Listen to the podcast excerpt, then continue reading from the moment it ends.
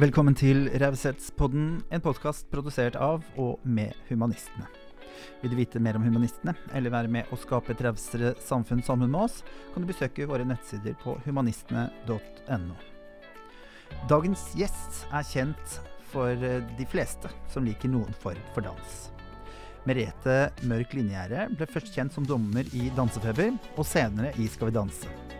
Den sterke kvinnen med det detaljerte blikket og kjappe tilbakemeldingene har også en historie som har påvirket hennes valg i livet og henne som menneske.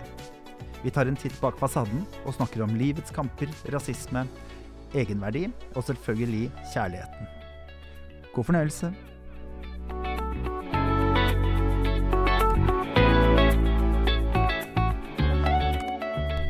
Velkommen til Raushetspodden, podkasten hvor jeg inviterer inn mennesker som jeg opplever som rause, um, og uh, mennesker som jeg møter på min vei eller hører om. Og i dag, i studioet mitt, så er det jo et menneske som jeg kjenner svært godt.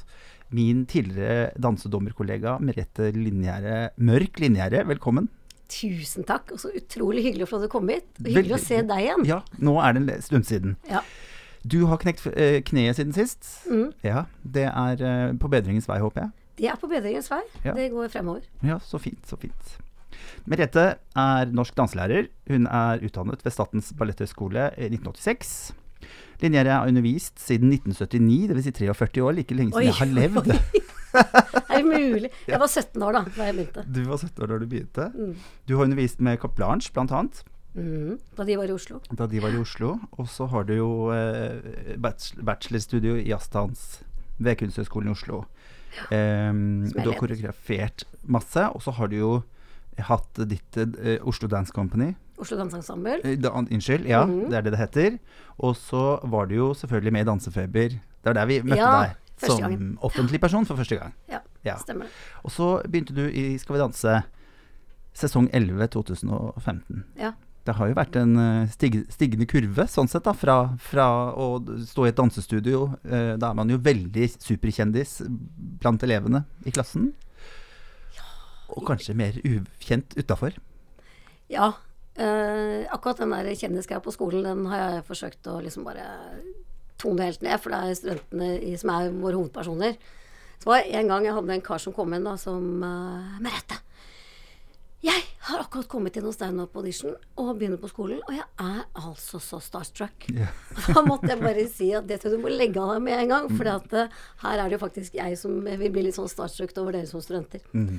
Så de, de ser på og følger med, men, eh, men jeg sørger for at de er så veldig hovedpersoner at uh, der er jeg bare um, Jeg er deres programansvarlig og lærer, liksom. Mm.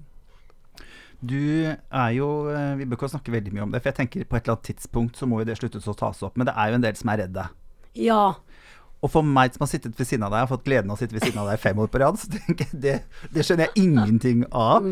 Men du har jo en sånn eh, du, det, det, I hvert fall som er min opplevelse av det, er jo at du, er, du tør å være direkte. Altså Ja. du, du har en evne til å være ærlig. Ja. Hvor kommer den ærligheten ifra? Det må jeg si, vil jeg tro, komme fra moren og faren min. Ja. Litt en sånn ærlighet, ikke skyve ting under teppet. Kanskje noen ganger snakke litt for mye fra levra. Så jeg har jo lært meg å, selv om det kanskje ikke virker sånn, begrense meg litt innimellom. Jeg var nok tøffere før, sånn i pedagogrollen. Mm.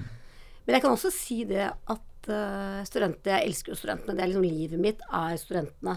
Eh, når vi tar de inn på KI og får lov til å være med og utdanne de. Vi er ikke jeg som utdanner, vi er en gruppe. Det er kollegialt. Det er et gruppearbeid, pleier jeg å si hver gang vi har vitnemålsutdeling. Og så eh, tok det jo mange år da, for jeg hørte fra tidligere studenter at «Åh, vi var så redde de tre første månedene. Men så skjønner vi at altså, du er liksom den varmeste. Men det har noe med Jeg har alltid en god intensjon, men det som jeg tror gjør at jeg kan virke skummelt Jeg har en utrolig teit sans for humor. Så jeg selv syns jeg er morsom. Ja. Jeg syns jeg kan være kjempemorsom og egentlig bare snakke med sånn varme. Så kan det bli opplevd som hardt. Eller jeg mener jo aldri f.eks. å være spydig. Men at jeg kan eh, Jeg syns jeg er litt gøyal, da. Og så er det bare ingen som skjønner min sans for humor. Og så har jeg et litt strengt Rett og slett, hvis du ser på Altså, ansiktet mitt er strengt. Og jeg har måttet lære meg etter hvert på TV jeg kan oppleve meg selv liksom At jeg sitter og ser engasjert smilende ut. Og så har jeg sett meg selv på TV og tenker herregud, liksom, det ser ut som jeg er liksom verdens strengeste. Så jeg har måttet jobbe litt med liksom jobbe med mimikken min litt. Fordi vi ser noen Du ser alltid smilende ut. Ikke sant? Ja. Relaxing smile face. Du ser bare varm ut. Jeg tror ikke jeg er noe kaldere enn deg, men, men Nei, ikke. vi ser ulike ut sånn. Så jeg tenkte også man skal ikke alltid dømme mennesker etter 'Å, fy fader, hun sure der', eller han.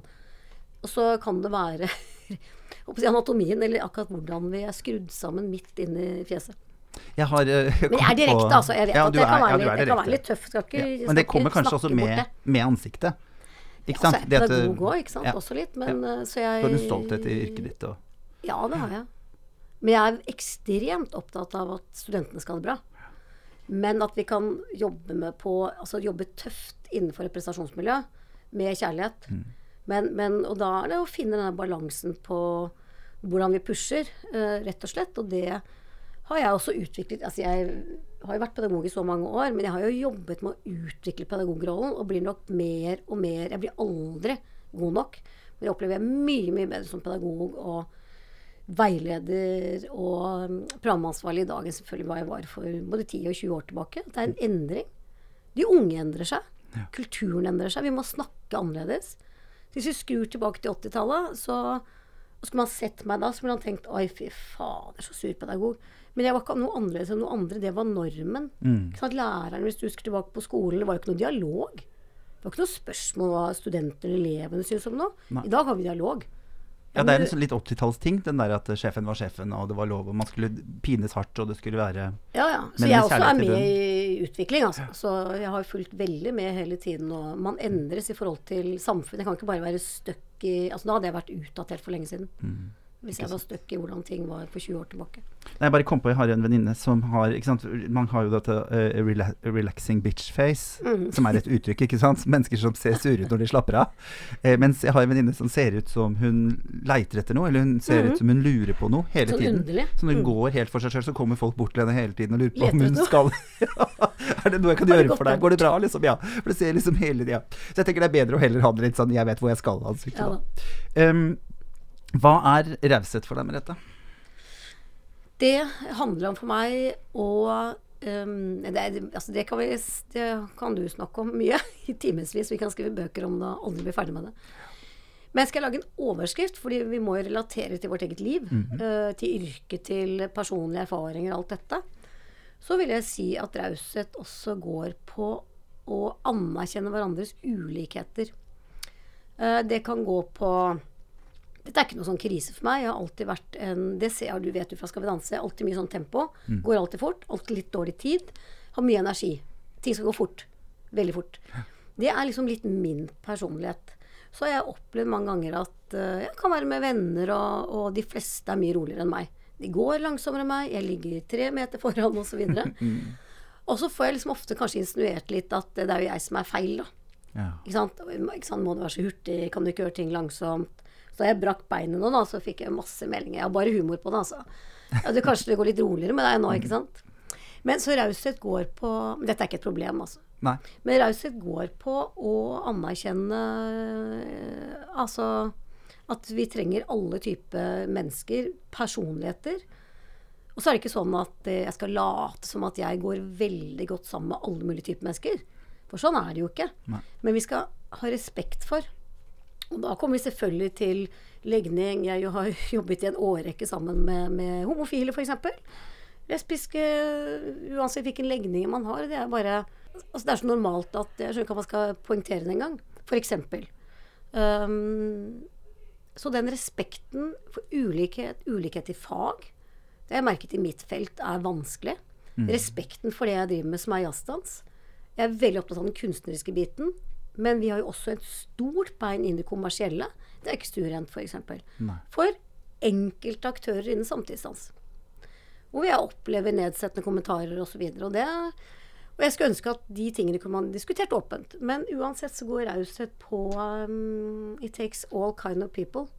Og hvor spennende det er. Ikke sant? Og det, men jeg skal ikke late som at jeg er den som oppsøker alt som er annerledes enn meg. Men jeg vil ikke dermed si at jeg ikke har respekt for det. Ne.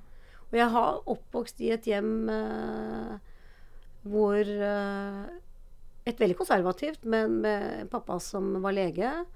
Og hadde et sånt grunnleggende verdisyn på menneskeverd. Det har bare Det har aldri vært Jeg skjønte ikke det før jeg kanskje ble eldre, at folk hadde fordommer. Nei. Fordi det har aldri vært aldri hørt én ting som går på fordommer mot hudfarge Altså, jeg bodde på Lørenskog. øh, pappa hadde besøk av lege mm, Utveksling med leger fra f.eks. Afrika, ikke sant. Um, India. Uh, mens jeg kunne merke på skolen på Lørenskog Husker vi hadde en, en gutt fra Spania som plutselig begynte, og det var sånn Det var altså så skummelt. No, hvis noen turte å invitere ham hjem. Altså fra Spania. Så, så det kommer eh, Det ligger i ryggmargen, og så erfarer man jo mer eh, jo eldre man blir, at det er mange mennesker med fordommer. Men jeg har ikke hatt det i min oppvekst, og det er jeg utrolig glad for. Så det ligger jo også i ryggmargen min. Husker du Husker du noe fra liksom når, når du plutselig oppdaget det? At det finnes fordommer? Ja, det var eh, på skolen da vi hadde f.eks. noen fra Spania. At det var litt sånn fremmedfrykt på. Mm. Jeg så ikke noe annet enn to øyne og nese og munn og hår og to armer og to bein. Uh, men så var det et annet navn, ikke sant? Det var litt sånn skummelt, for det var fra Spania, f.eks. Og da, det husker jeg at jeg eh, Det var ikke noe mobbing, men det var reaksjoner. Jeg tenkte er dette, er noe, er dette noe å påpeke? Ja. På en måte. Så dette var jo 60-70-tallet, ikke sant. 70-tallet. Begynnelsen av 70-tallet. Du har jo også en eksmann som er eh, litt uh, mer kulørt. Litt mer Ja. huden. Han uh, er halvt karibisk, uh, kvart Altså halvt afrikansk. Halvt kinesisk og halvt portugis. Ja. Sant? Blanda drops. Ja, veldig bra. Barna mine er jo da halvnorsk, og så kan du begynne å regne ut, da. Ikke sant? Men spennende kultur. Opplevde du noe motstand der? Ja. Ja. Ikke fra familie. Uh, har opplevd motstand fra venner jeg ble sammen med, ja. Det kan jeg si. Sårene, de kutta jeg ut. Ja. Mm. For det var spørsmål da jeg ble gravid. Oi, skal du formere deg sammen med han? Ikke sant. Ikke sant? Og da kjente jeg at da jeg ble så såret, men også så sint. At uh, hva gjør man, liksom?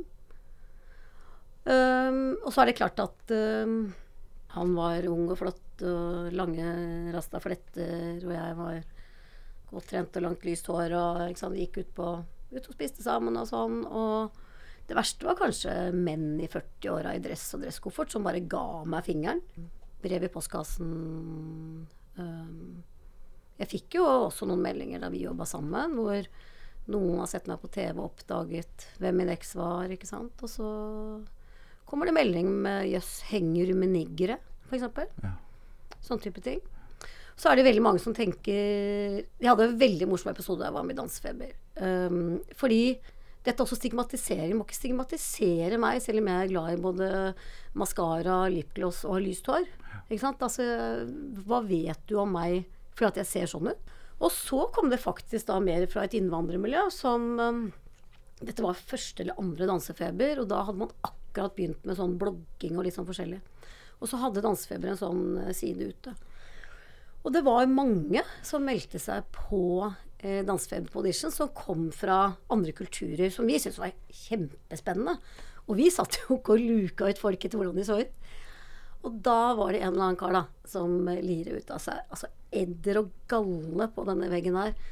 Altså Han skriver at hun derre blonde bitchen der, hun eh, misliker farva ikke sant, masse sånn. Og så er det en som skriver som bare vet hvem jeg, jeg vet ikke hvem han var, men som hadde litt annen kunnskap om meg. Og så skriver han bare 'dust'. Uh, til din info så ser mannen Da var jeg sammen med min ekstra. Ser mannen min og unga hennes ut akkurat ut som det du gjør. Så da er jeg på feil spor. Så det ble jeg bare slått helt ned. Men det sier jo også litt om hvordan man blir stigmatisert. Og det er ikke jeg noe glad i. Altså, hvis jeg har lyst til å, å ha på meg de høyeste hælene, det korteste skjørtet og mest mulig maskara Jeg gjør ikke alltid det, altså. Men hvis jeg har lyst til det, så er det noe med hvilke mennesker er, er bak det. Det sier noe om at jeg har en type forfengelighet, men det sier jo ikke noe om personligheten min. Altså mitt menneskeverd. Det gjør det Nei. ikke.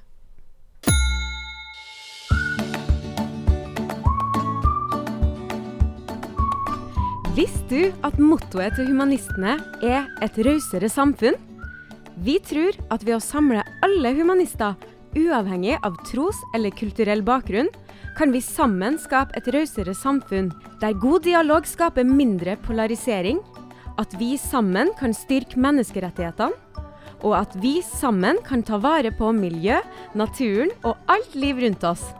Du kan enkelt bli medlem i dag ved å gå inn på våre nettsider humanistene.no. Medlemskapet er gratis, og du er hjertelig velkommen til vår rause og inkluderende bevegelse.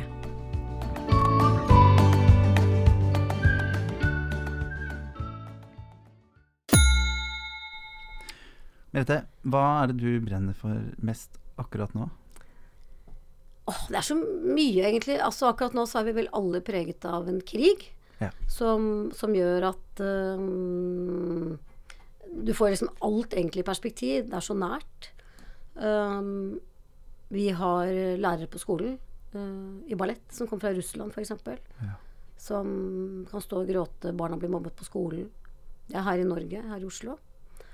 Um, vi har nå folk vi får inn fra Ukraina, som kommer fra Nasjonalballettskolen der. Skal begynne å trene hos oss. Så vi, har, vi kommer jo ikke unna at det betyr noe. Helt personlig så jeg er opptatt av om jeg klarer å danse igjen, f.eks. Jeg er sånn det navlebeskuende egosentriske. Fordi jeg har liksom åtte måneder å trene opp i knepa som har fått en veldig alvorlig skade. Men samtidig så, så Jeg evner jo, selv om jeg kan sutre mye og har sagt mye om det i sosiale medier om skaden min, så vil jo ikke dermed si at ikke jeg klarer å se ting i perspektiv. Jeg har to bein jeg kan gå på. Uansett om jeg kanskje kan halte resten av livet, det vet jeg ikke. Um, så alt er i et perspektiv. Jeg vil bli kjempelei meg om jeg aldri kan undervise i dans igjen, f.eks. Men det går også over. Det er ikke verdens undergang. Det er sånn helt personlig så vil det være en sorgprosess, f.eks. Det holder jeg litt på med. Ellers så er jeg veldig engasjert i studentene. Jeg har vært sykemeldt omtrent helt fram til nå. Aldri vært så lenge bort fra studentene. Hadde et møte med min første klasse i går som var eh, Da ble jeg nesten sånn rørt over å sitte med disse menneskene. Få lov til å snakke om Det som har opptatt oss veldig, da, er at alle de kullene vi har inne, har vært koronakull. Um, dansere, våre studenter, skal f.eks. Uh, se mange forestillinger. De skal jo renne ned på Dansens Hus, på Blackbox og i Operaen. Og så slo det meg plutselig at disse har jo nesten ikke fått sett noen ting Nei. på tre år. For eksempel. Jeg har liksom opplevd at vi har vært i unntakstilstand, og så er vi fortsatt i en pandemi, men unntakstilstanden er fjerna.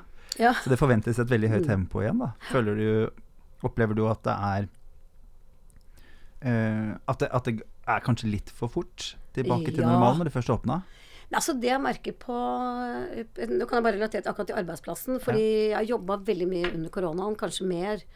Uh, nå har jeg akkurat ikke jobbet mye nå for at jeg har vært sykemeldt, men, men ehm, vi fikk veldig mye mer oppgaver, f.eks. med å gjøre om undervisning. Vi endra jo alt hver uke. Vi visste aldri fra uke til uke hva, hva myndighetene sa, og restriksjoner og folk sjuke og karantener og sånt. Men jeg merker litt på jobben, men det har jeg sagt fram, for jeg er også hovedtillitsvalgt for Forskerforbundet SAS, det er at nå skal jo nå skal liksom alle lederne bare gjøre alt. Nå skal alt gjøres som vi ikke fikk til, fordi vi ikke kunne se hverandre. Så vi fagansatte begynner å bli ganske slitne. Det er møter og møter og møter og møter. Og vi skal gjøre det, vi skal gjøre det, vi skal gjøre det. vi skal gjøre det. Så vi er litt sånn nå, vi er nødt til å bygge litt sten for sten igjen. Uh, det er i hvert fall mitt råd til, til lederne, er at kan vi konsentrere oss litt om kjernevirksomheten nå? For meg så handler det om å få tid med studentene. Se studentene.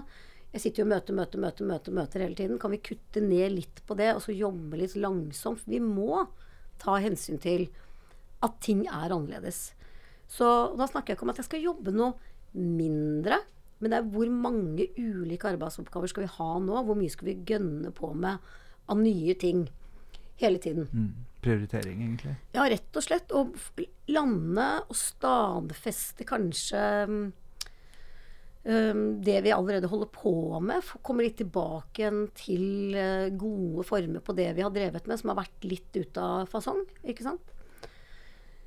Så, um, så det vet jeg både at jeg og flere syns er litt sånn tøft nå. Det tror jeg mange kan kjenne på arbeidsplasser, at, at lederne kan bli litt sånn ivrig på å vise ikke sant? at nå skal vi kjøre i gang, og nå skal vi ditt, og nå skal vi datt. Så vi må gi mennesker en sånn mulighet. Jeg skjønner at vi skal være på kontoret, det syns jeg er fint, da. For jeg vil se mennesker. Jeg er ikke så innmari glad i å, å se folk på Zoom. Nei. Men samtidig, noen ganger så er det ålreit en mulighet, da. Så noen flere møtepunkter får vi. Jeg tenker at i hovedsak så må vi kunne se hverandre, da. I dans er vel det en fordel. Det er en stor fordel. ja. Men jeg ser jo det er, det er jo en del som har vært flinke til å ha dansetimer og sånn på, på Zoom. Da. Sånn gjennom sosiale medier også. At du kunne Mm. ta dansetimer med flinke koreografer eller, eller ja, pedagoger Mm. eh, rundt omkring i hele verden. Så det har jo også åpnet noen, noen dører. Veldig. Men det skal, da skal du jo ha en selvdisiplin, da. Ja da. Ja. Veldig. Jeg må gjøre sånn, da. Jeg må klippe bort. Nei, altså kunstnere, eller jeg tror alle mennesker er løsningsorienterte. Jeg skal ikke si at det er bare kunstnere som er det. Men våre studenter og våre lærere gjorde en helt heroisk innsats eh, ved å digitalisere danseundervisning. Frustrerte studenter Husk at noen av de sto på bitte, bitte små hybler sammen med tre andre som studerte andre ting. Eh, de står der og skal gjøre ballettøvelser og rive ned blomsterpotter og Ikke sant. Noen hadde bare bitte lite rom å stå på. Så det Vi fikk også se noen forskjeller som ikke var så ålreit. Ja. Ikke sant? For vi problematiserte litt med noen studenter. Ja, 'Hvorfor har du skrudd av bildet på skjermen? Vi vil gjerne se dere.' Så er det ikke alle som er så glad i å vise hvordan de bor. Nei. Ikke sant? Og det fikk jeg en veldig sånn, eh, sånn sårhet på vegne av studentene. Ikke sant? Vi kjørte opptaksprøven, første delen av opptaksprøven digitalt. Der er det noen som hadde liksom fått lærerne sine til å hjelpe seg. De fikk de største studioene, beste filmingen ikke sant, de sendte inn. Så står det stakkar fra et sted oppe i landet som er talentfulle. Ingen har hjulpet de, de står nede i en sånn, ved siden av en vaskemaskin og forsøker å vise oss dansevideoer. Så det for meg ble en, en, en uh, ugrei forskjellsbehandling. Så der forsøkte vi, for vi tok de videre til fysiske prøver på annen og tredje prøve, å være litt sånn rause i den utvelgelsen. Um, og ikke bare ta hensyn til de som hadde hatt alle fasiliteter. Så man fikk noen sånne forskjeller som for meg ble tydeligere under pandemien. Men alle er løsningsorienterte. Sånn tror jeg liksom man har vært. Uh, veldig lite klaging fra studentene, men jeg, du ser det på dem at det gjør noe med noen. De preget av det. Ja, altså Noen hadde pappaer som bygget studioer i kjelleren. dansestudioer, Og det er ikke noe galt i det. Men kontrastene blir store, da. Veldig store.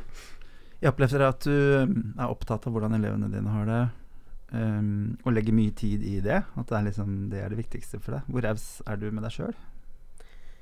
Jeg tror jeg har lært meg til å være ganske raus.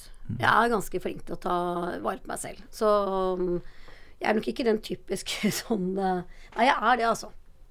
Jeg har nok blitt det med åra. Jeg ble nok veldig spist opp i de årene hvor jeg drev med Oslo Danseensemble, som var liksom livsmerket mitt, som jeg både initierte og ledet i 25 år gjennom altså, alle disse produksjonene. Men det var liksom livet mitt. Da hadde er ikke så mye tid til meg selv, men samtidig var jo det meg. Ikke sant? Det var eh, liksom livsverket, det var eh, identiteten min Altså, jeg hadde så mye passion i det at jeg kunne sikkert jobba Hadde døgnet hatt 36 timer, så hadde jeg klart det også. På en måte.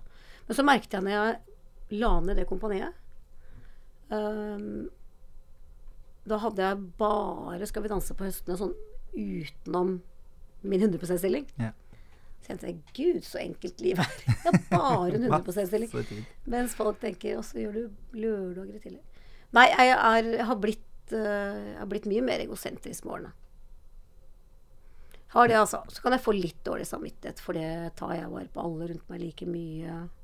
Det kan man alltid liksom grumle på. Uh, oi, jeg har ikke hatt tid til å ringe den. Men jeg, har, jeg hadde nok på en eller annen måte, merkelig måte, enda mer overskudd til også det sosiale da jeg jobbet så mye. For da tror jeg hele livet bare gikk sånn. Og så begynte jeg å trappe ned. Kjente egentlig mye jeg hadde jobba, for det var, det var mye. Jeg hadde egentlig aldri fri. Det var helger, det var full dagtid, kvelder, altså alt. Og jeg hadde en ekstrem energi. Og så gikk nok lufta litt ut av ballongen da jeg først la ned Oslo Danseensemble. Og fikk tid til å tenke etter. Og da ble jeg nok litt sånn sofagris. Ikke sant? Og så har jeg fått kjæreste, så jeg har blitt enda mer eller ektemann, faktisk. Enda mer sofa, enda mer sofagris. Du har gifta deg? Ja, og der har jeg tatt et valg på Eh, vi bør ikke snakke om tidligere forhold, Tore, for da kunne du og jeg blitt sittende her. Ja, det bør vi ikke gå inn på. Så det kan vi ikke gå inn på. Det er, et, det er en annen Det er over vin. Det er en annen podkast. Eller over vin. Men jeg kan bare si at uh, jeg har tatt et valg på å satse på forholdet. Ja. Da rekker jeg ikke like mye som jeg har gjort før. Nei, er det det du er, syns du? At, at det er et valg man tar? Ja, altså at det er en Jeg har, jeg, har, jeg har bevisst tenkt gjennom det. Det er ikke noe sånn at jeg ble ekskludert nå, men det slo meg at uh, først så ble vi jo kjærester under koronaen, da. Det må jeg også si. Da var det jo ikke så mye sosialt uansett. Men jeg har nok vært primus motoren i veldig mange settinger, i jentegjenninger. Noe flere av de kommenterer også i dag, at nå må vi andre ta initiativ. Men jeg sier jo ikke nei til å møte dem, men jeg har vært veldig initiativtaker. Hatt ekstremt mange middager. Og vin og sene kvelder og bursdager og ut på tur og finne på ting. Um, det gjør jeg ikke like mye. Og så er det fordi Og jeg har tatt med venninner på alle mulige forestillinger. Og nå har jeg lyst til å dele de opplevelsene sammen med Anders. Hvis jeg skal bygge det forholdet med han Tidligere forhold så har jeg gjort ting på min side og partneren på den annen side, ikke sant. Uh, og så har det vært sånn. Men nå har jeg behov for Jeg ser at det styrker forholdet til Anders og meg. Å ha en annen type strategi på et forhold. Og det er et valg jeg har tatt. Og da vil det si at mye av den tiden jeg tar med Anders, om det er ute på tur, eller om vi reiser bort, eller øh, ser forestillingen og spiser middag, så har jeg veksla ut litt tid som jeg vanligvis har gjort sammen med venninner. Jeg er ikke ute av det. Jeg skal på jentetur til København snart, litt sånn, men, men øh, jeg satser på det. Ja. Det det, det, det var ikke en udelt positiv opplevelse heller, det å skulle gifte seg, eh, husker jeg. Jeg var jo så heldig å få være i Ja, bryllupet ditt. ja. Det var jo litt reaksjoner på at du valgte hvit kjole. Mm. Det er jo litt tilbake til det vi snakket om også i stad. Det der at folk har så mye meninger om ting utafor sitt. Folk mener veldig mye, og det vet jo du også som er i media. Hvorfor deler man så mye på sosiale medier? Må du si ja til det ukebladet? Ikke sant? Og det er ikke alle som uttaler det, men jeg, jeg vet jo at uh, venner av meg kan synes at det er for mye, at det er teit og alt mulig sånt. Det blåser jeg liksom litt i, men jeg, som jeg tenker Og jeg, de må gjerne synes det, men samtidig er jeg en annen person. Er jeg? Jeg, jeg føler jo ikke at jeg er det. Selv om jeg har gløtta på den døra på privatlivet litt osv. Media ble veldig opptatt av eh, De er veldig opptatt av kjærlighet. Ja. Ikke sant? Og så syns jeg det er interessant for at ikke de bare skriver om brudd, da, men at de er veldig opptatt av kjærlighet. Og det sier de også, at uh, det er ingenting som selger liksom mer enn disse kjærlighetshistoriene. Det er veldig mye sånn klikk, da.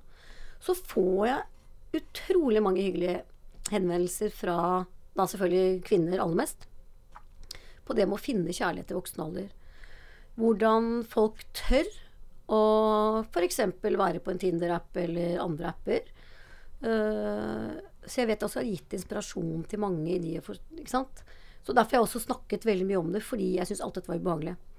Og så kom det selvfølgelig noen kommentarer da på Det var ikke det at det var veldig mange, men jeg legger veldig merke til når det kommer kommentarer på Oi, skal du ha hvit kjole? Skal du ha lang kjole? Skal du gifte deg i kirken? Um, det er mulig jeg ikke hadde giftet meg i kirken hvis jeg hadde vært gift fra før. Jeg har ikke vært gift fra før. Men jo, allikevel, kanskje jeg hadde lyst til å gjøre det likevel i kirken. Det hadde vært opp til meg, da. Jeg har ikke vært opptatt av bryllup. Jeg har ikke vært gift før. Uh, og det ble kjempesvær hvit kjole og bryllup kirke og ikke sant, alt sånn som du så. Uh, og jeg tenker at folk må få gjøre som de vil. Man kan få lov til å gifte seg bitte lite eller stort. Det er jo vel brudeparet som bestemmer det. Um, hvordan man skal ha det. Og så ja. Men det er lite kommentarer. Men det er bare folk skal mene noe, da. Ikke sant. Men er det lett, syns du det er lett å huske de negative? jeg er litt uh, god på det, ja. Det er, en, eh, det er en dårlig side jeg har. Det har jeg diskutert litt med deg før også. Det der med å Det går på også å være raushet overfor seg selv. Hvordan um, Jeg kan være ganske selvgranskende. Um, kommer liksom én negativ kommentar om uh, et eller annet jeg har sagt på TV, eller et eller annet sånt, så kan jeg, kan jeg gruble veldig lenge på det. Ikke sant? Og så er det jo sånn at uh, jeg opplever meg selv som veldig privilegert, som har en jobb som syns. Som gjør at man tross alt får veldig mye hyggelige tilbakemeldinger. Jeg tenker på alle de menneskene som ikke får tilbakemelding på det de gjør hver eneste dag. Så jeg har ikke lov til å Det er vel flest av de. Det er jo aller mest av det. Så jeg vet jo at det er veldig mange mennesker som ikke syns i det de gjør. Så jeg har et veldig bevisst forhold til det. Men det er ikke, det er ikke noe jeg skriver om eller noe sånt nå. Så jeg vet også at hvis jeg får noe negativt, så må jeg bare Det må du egentlig bare takle. Ikke sant. Så det, det er veldig lite. Men det er jo folk som skal lire ut av seg edder og galle på, på sosiale medier. Ligger det en frykt i det at det skal være noe sant i det? Eh, godt spørsmål, eh, Tore. Jeg har utrolig mange evalueringer med meg selv.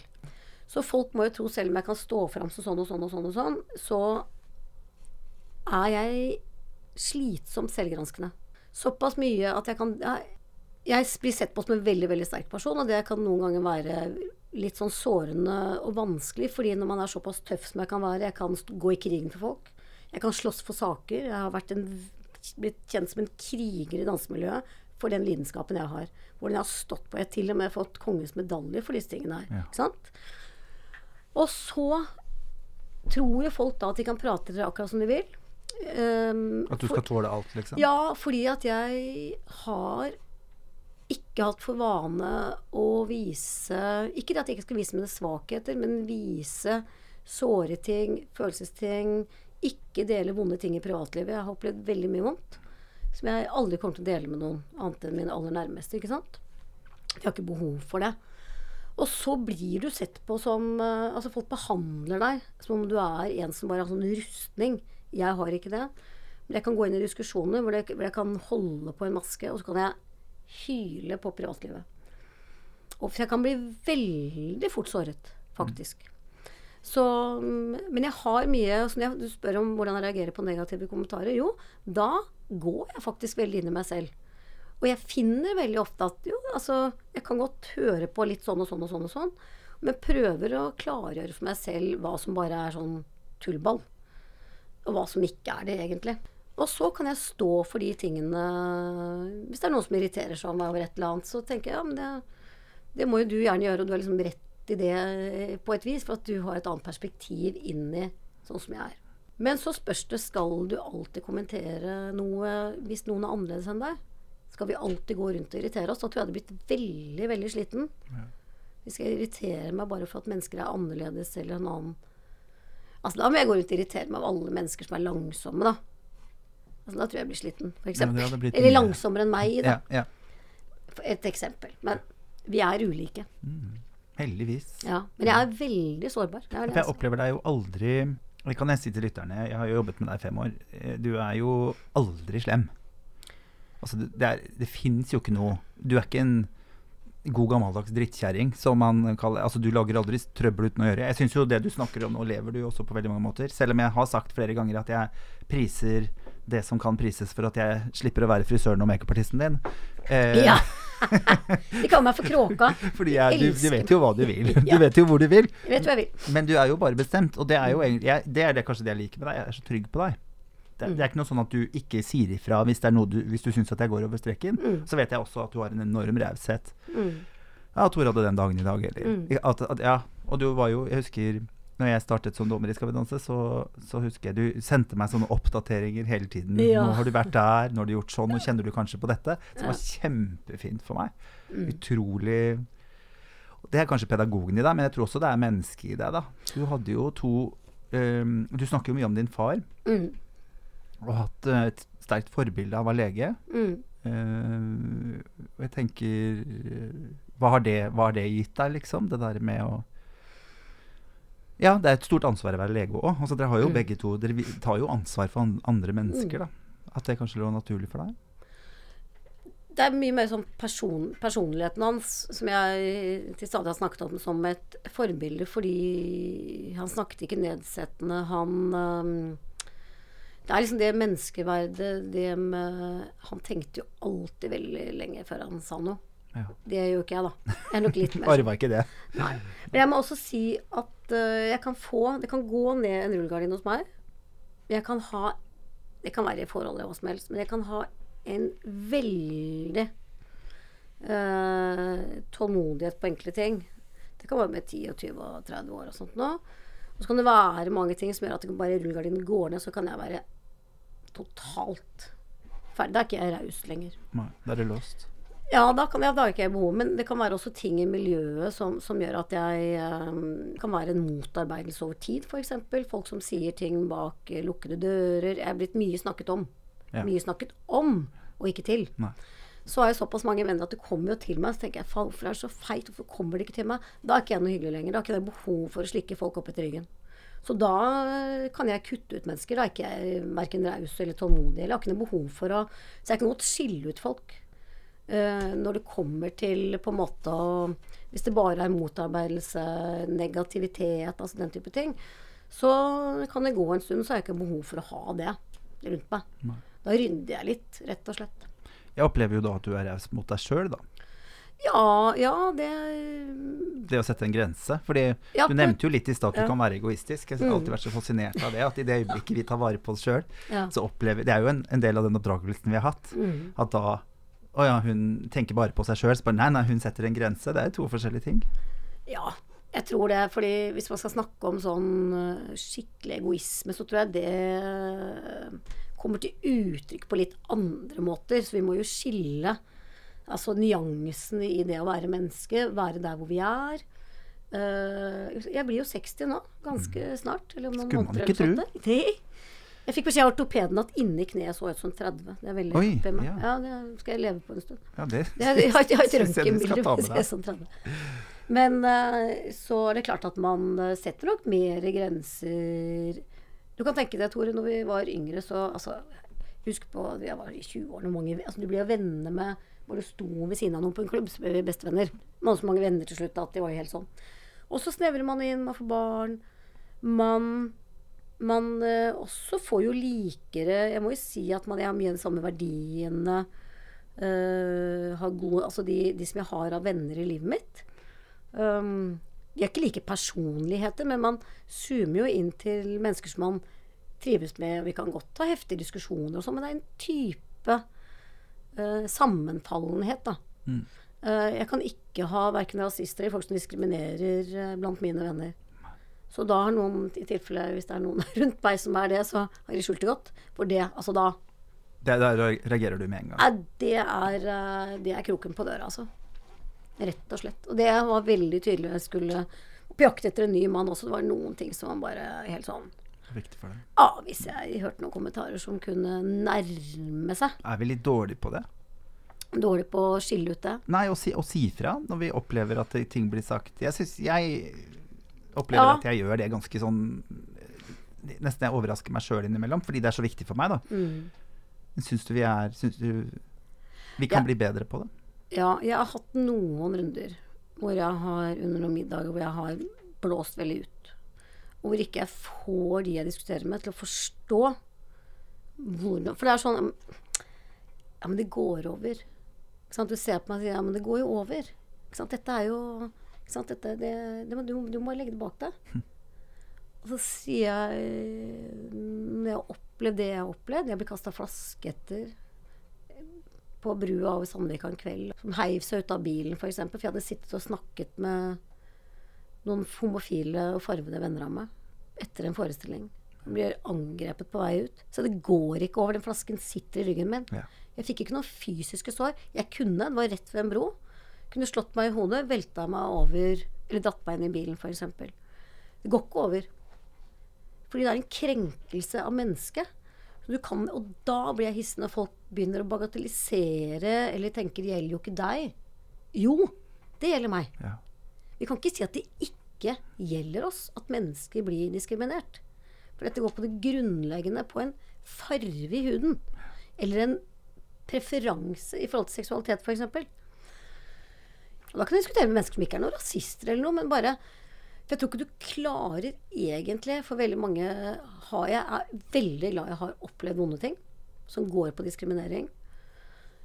Fordi jeg skjønner det. For det stikker så dypt, og det er så vondt at det går nesten ikke an å beskrive. Samtidig så vet jeg at jeg er så privilegert. Hvis jeg er et sted uten den merkelappen, så vil ikke jeg oppleve det. Så jeg kan, jeg kan gå med ryggen fri mange steder, Ja. f.eks. Mens uh, det er mange som aldri kan det. Så jeg skal ikke sutre på meg som den, den som opplever dette verst, men det er nok at du har opplevd det. Og, og på en måte, som sagt Det er fælt å si at man er glad for det, men allikevel jeg Det er viktig at jeg har kjent på det. Men ingen skal få lov til å bagatellisere det med å oppleve diskriminering, trakassering, disse tingene her. Ja, det tror jeg Altså, det er Og det er det grunnleggende.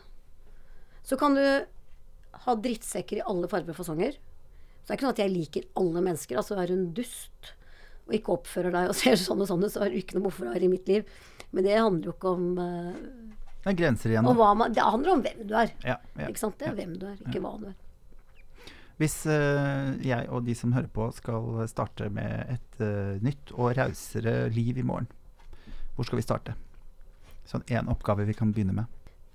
Jeg tenker, Jeg også måttet bruke mye tid på å tenke at jeg kan ha tatt en del plass, f.eks. Jeg tror vi må tenke både litt på oss selv i samhandling med mennesker. Det er klart at jeg har vært tøff også i samhandling med mennesker i jobb, fordi at jeg kan Jeg har ikke noe Jeg snakker ikke bak lukkede dører.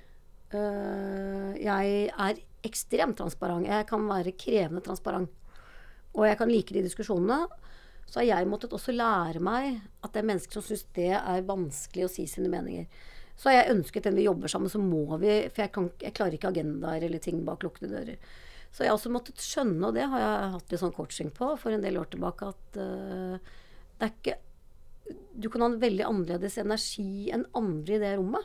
Så jeg har nok lært meg litt til. Og så det er liksom litt begge deler. Jeg syns alle må tenke på også sin egen rolle. Også det å kunne si fra. Men jeg har også sagt fra på jobb. Uh, jeg, kan, jeg, kan, roe meg liksom litt. Uh, men jeg har også behov for å vite når vi sitter og diskuterer om hva du mener. Ikke at man Så jeg prøver å si at uh, hvis jeg lukker den døra Jeg snakker ikke noe bak lukkede dører som ikke jeg sier utafor den døra. Så jeg er ingen så lurer på hva jeg syns, da. Så vet jeg også som sagt at det kan være krevende. Så det er vel litt sånn selvinnsikt å se seg selv i sammenheng med, med andre. Og jeg er ikke perfekt. Det kan høres sånn ut. Men jeg er veldig bevisst på disse tingene. Ikke alltid jeg klarer å gjøre noe med Starter der. Jeg er veldig, ja, bevisstheten. Mm. Den derre Det er ikke sikkert jeg har behov for å si det til noen andre at nå dreit jeg meg ut på det møtet. Men det er viktig at jeg vet selv nå var jeg litt krevende. Og det tror jeg har, har en ganske sånn innsikt på. Ja. Det kan gjelde mot partneren min, mot ungene. Jeg feier det ikke under teppet for meg selv. Det er ikke alltid jeg har behov for å liksom skrive det på overalt. Men uh, ja. Selvinnsikt. Seg selv i forhold til andre. Ett råd. Titte det der skjellet i speilet. Ja. Det er ikke alltid like Altså, jeg, jeg er veldig klar over mine svake sider. Jeg er det, altså. Um, Det er vi jo ofte. Det er bare vanskelig Ja. å gjøre noe med det, kanskje. Ja. Men jeg, det er i hvert fall Og det sa jeg senest til studentene mine i går. Jeg ser på det som voksne mennesker. Dere må ta selvstendige valg. Dere skal være ekstremt til stede. Dere skal ikke være borte. Det, skal liksom, det kreves veldig mye av dere. Må dere f.eks. komme inn og sitte og se på pga. har en skade, så stoler jeg. Jeg skal ikke kverulere. Stole på dere. Det er deres Dere har tatt den beslutningen. Voksen beslutning. Men jeg ber dere samtidig, når det går en uke og to, at dere har en oppsummering med dere selv innimellom. Bør ikke si til noen. Gjorde jeg mitt ytterste? Eh, måtte jeg sitte og se på da? Var jeg lat for at de skal inn i prestasjonsyrket, da? Ja. Så de må bare liksom for seg selv vite, eller gjøre en status for seg selv. Og det tror jeg er viktig at vi innimellom eh, Så er det ikke alltid vi klarer å gjøre noe med det, men i hvert fall vet selv at her eh, Vi er jo ikke perfekte, noen av oss. Heldigvis. Heldigvis. Ja, ikke det bra? Nei, det klarer jeg ikke å leve opp til, men um, ja, jeg ser og hører meg selv uh, mye bedre enn hva folk tror. ja, men det er fint. Det er bra, det. En liten sånn opp... Ja, som du sier. En liten gjennomgang og rapport av uh, E Egenevaluering. ja, egenevaluering. Ja. Hva, kunne jeg, hva kan jeg gjøre annerledes neste gang? Det er jo det som er Det er spennende. hvordan øh, jeg kan gå ut øh, ja, fra et rom og tenke fy fader, nå. Nå viser jeg den sida. Mm. Du, vi har en rosa skål. Eh, Ja. Den skal du få lov å um, plukke ut av. Der er det både verdiord til, eh, til eh, humanistene, og det er eh, Vi har sånne 15 bud som oh, ja. er viktige for oss. Så der kan det stå alt mulig på de lappene. Det er ikke jeg som har skrevet de, for det her er jo ting vi har blitt enige om alle sammen. Så da kan du jo åpne opp og si hva det står. Ja, denne passet jo veldig til det vi har snakket om nå, medmenneskelighet. Ja, Så det har vi vel øh, brukt uh, lang tid på, det har vi. egentlig. Men vil du si noe kjapt om hva som falt ned i hodet ditt når du så det? Nei, det går egentlig på den ja, medmenneskelighet. Altså, først tenker jeg jo krig, da. Akkurat nå så tenker jeg krig. Sånn helt konkret. Hva kan vi gjøre for å, for å hjelpe øh, de fra Ukraina? Hva kan jeg gjøre? Så akkurat nå så er det det som uh, faller meg inn, men det handler om å se mennesker i sårbare situasjoner. Det handler ikke om å se de som har det så innmari bra hele tiden, men mennesker i sårbare situasjoner. Veldig fint. Mm. Tusen takk for at du valgte å komme inn i studio hos meg med dette. Tusen takk, Tore. Det var veldig, veldig hyggelig. Masse god bedring med foten. Jeg takk. håper å se deg på parketten igjen uh, før man veit ordet av det. I hvert fall en gang i fremtiden. Ja. ja. Du har hørt på Raushetspodden, en podkast produsert av og med Humanistene. Stikk inn på humanistene.no hvis du vil vite mer om oss. Og ellers så gjenstår det bare for meg å si mitt navn er Tore Petterson, og jeg ønsker deg en riktig god helg.